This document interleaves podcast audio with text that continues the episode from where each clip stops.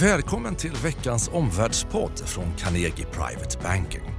Jag har just samtalat med min kollega Peter Nelson, investeringsstrateg och förvaltare av svenska aktier för Private Banking-kunder. Vi talade både om bankoron på Stockholmsbörsen, vi pratade också om det bredare marknadsläget och dessutom om det brittiska valet tre veckor bort precis idag.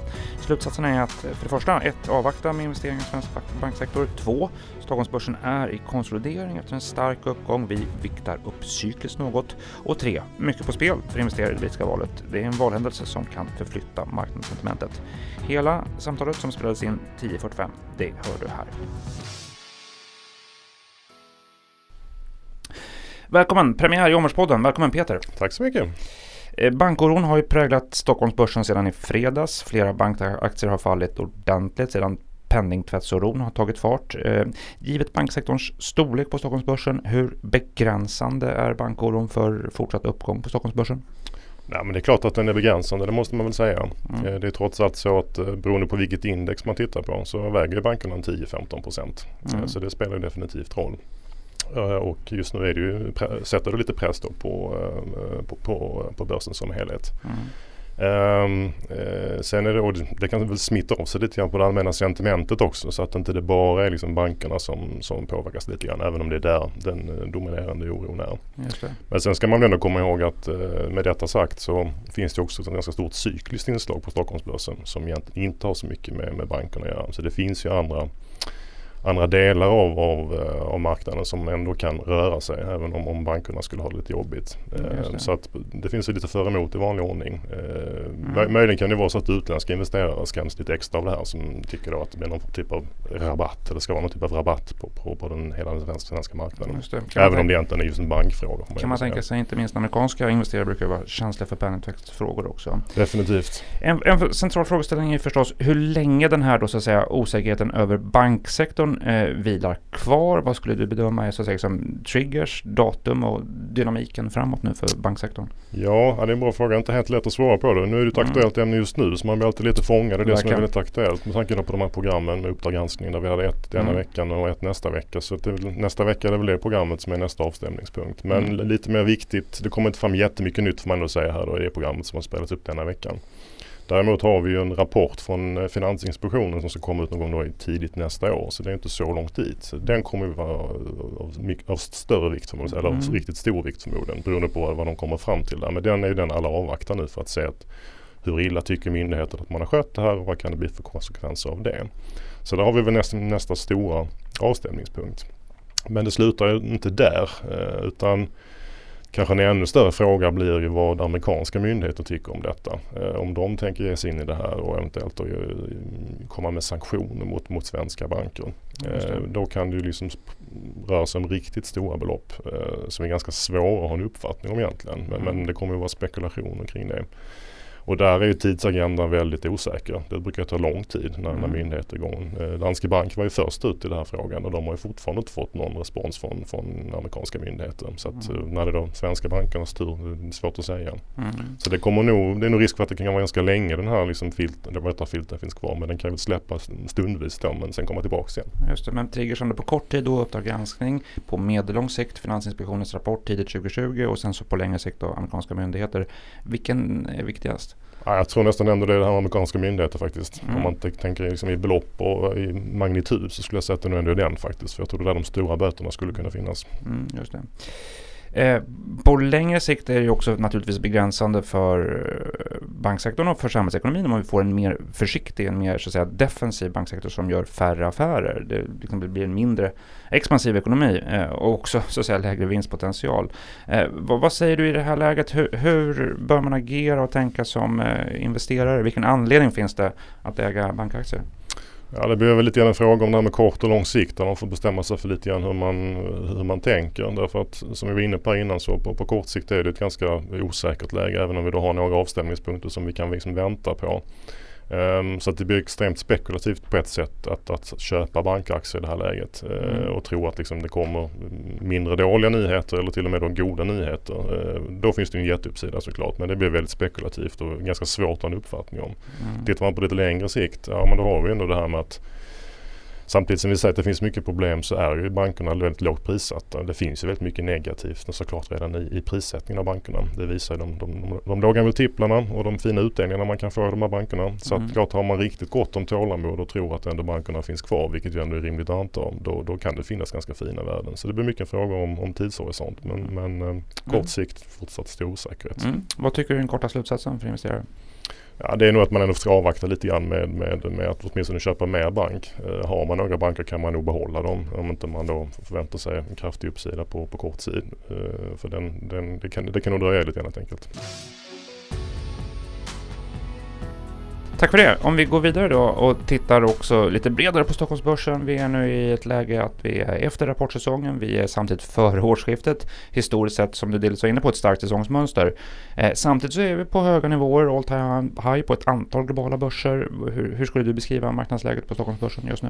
Ja, men det finns väl lite grann av en positiv underton får man säga. Eh, mm. Definitivt. Och det handlar om att lite av konjunkturoron som vi har haft under en ganska lång period har släppt lite grann.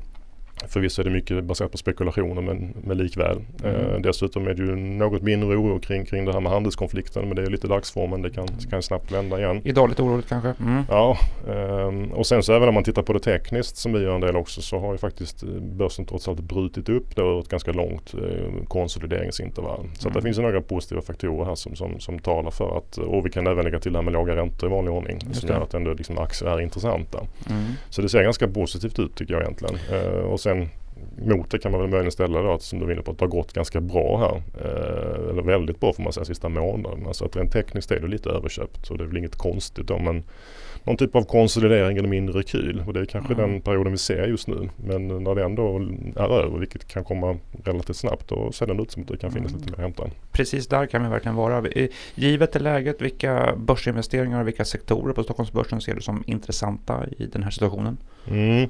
Ja, vi letar ju snarare kanske bolag än, mm. än branscher skulle jag säga. Eh, och kvalitetsbolag är ju lite tråkigt svar men det är väl alltid intressant eh, mm. oavsett marknadsläge. Och nu har det varit lite mer fokus där på, på cykliskt ett tag med tanke på att konjunkturen kanske har en tendens att bottna ur lite grann. Så det, några av de här kvalitetsbolagen kan ha liksom tappats bort lite de sista månaderna. Då kan det vara bra läge att plocka upp dem. Men sen har även vi intresserat oss lite grann för den här cykliska mm. uppsvinget eh, som ändå kan nog pågå ett tag till om vi får ytterligare lite bekräftelse på, på att eh, konjunkturen rör sig lite mer åt rätt håll. Då, då kan mm. det finnas mer att hämta där. Så det är väl en kombination av att våga sig på lite mer cykliskt och, mm. och eh, fortsätta mm, investera i kvalitetsbolag. Eh, givet det du säger, hur, om du vill berätta för lyssnarna hur vi agerar i, våra portföljer? Mm. Ja men det är väl lite på det temat då att vi också som sagt har köpt lite cykliskt och vi letar väl ytterligare efter kanske att lägga till lite mer i, i, den, i den korgen. Eh, mm. Dock har en del aktier blivit ganska dyra så man får väl, det gäller att hålla tungan rätt i mun och, och välja rätt bolag där. Men lite mer cykliskt. Och mm. sen har vi samtidigt tagit lite vinst i några bolag som har gått fantastiskt bra eh, här under året. Eh, det är aldrig fel att med vinst heller, någonting som kanske har sprungit lite före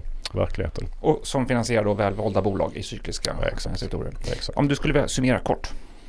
Ja men det är väl det att vi, eh, vi, konsoliderar just nu efter en väldigt lång fin eh, uppgång. Eh, men eh, totalt sett ser det ändå ganska ljust ut. Så vi står väl beredda att eventuellt kunna öka upp aktier ännu mer. Just nu är vi ganska neutrala totalt sett till, till aktier. Till sist också då en kort uppdatering på valhändelsen i Storbritannien som nu är precis då tre veckor bort och mycket på spel för investerare. Det här är en valhändelse som har potential att förflytta marknaden. Vi är ännu inte riktigt där, men kommer upp om tre veckor. Eh, dels spelar det här roll naturligtvis då för att det är ju en valhändelse som formar investeringsmiljön i Storbritannien kanske för en mycket lång tid framåt. Ehm, eh, därefter så spelar naturligtvis materialiseringen av Brexit och det som är radikala vägval i den ekonomiska politiken, det kommer faktiskt avgöras på, om, om tre veckor. Dessutom förstås, som inte är så uppmärksammat, att vilket utfall vi får kommer också påverka den långsiktiga framtida ekonomiska relationen mellan Storbritannien och EU. Det är inte bara så säga utträdesavtalet som nu avgörs, utan det är också den framtida ekonomiska relationen. Det spelar, spelar betydande roll.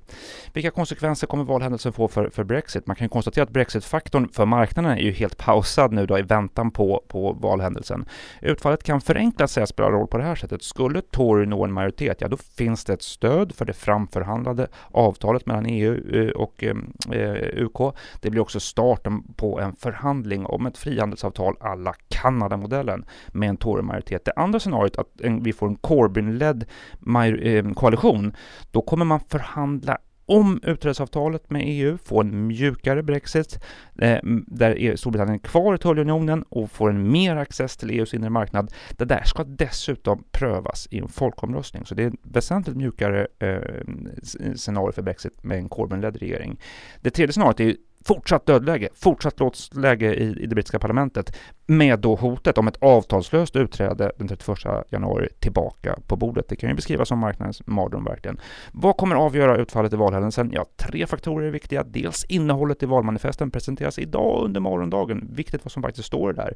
Det andra är omfattning och effekten av taktikröstningar. Svårt att bedöma valutfallet i valsystemet som finns. Det blir ett, inslag, ett stort inslag av taktikröstningar så, så kan det spela en, en stor roll. Det tredje förstås, varje valhändelse har ofta en överraskning. Vilken blir det nu? Det vet vi inte ännu, men det har ju en eh, potential att kasta om spelplanen i detta. Vilket utfall ska man då tro på som, som investerare? Huvudscenario är att Tories når nära eller egen majoritet. Sannolikheten för en Corbyn-ledd koalition ja, uppskattar den till 30-40 procent. Det mest besvärliga läget för marknaden med fortsatt låst läge i parlamentet går inte att utesluta. Sannolikheten för det ligger på kanske 20 procent, en på fem. Samtidigt också då, tre veckor kvar, så mycket kan fortfarande hända. Carnegie är varje dag mötesplats för investerare och entreprenörer. Tillsammans med Svenska Dagbladet så arrangerar vi ikväll finalen i vår utmärkelse Framtidsentreprenör. Det är fem finalister, fem unga entreprenörer som möter ett fullsatt investerarauditorium på Carnegie här på Regeringsgatan 56. Läs mer om bolagen, läs mer om initiativet på carnegie.se. Tack också för att du lyssnar på Omvärldspodden. Tack för att du har lyssnat på Omvärldspodden från Carnegie Private Banking. Vill du veta mer om vad som händer i vår omvärld och få aktuella idéer till affärer? Gå då in på www.carnegie.se veckans viktigaste och prenumerera på vårt nyhetsbrev.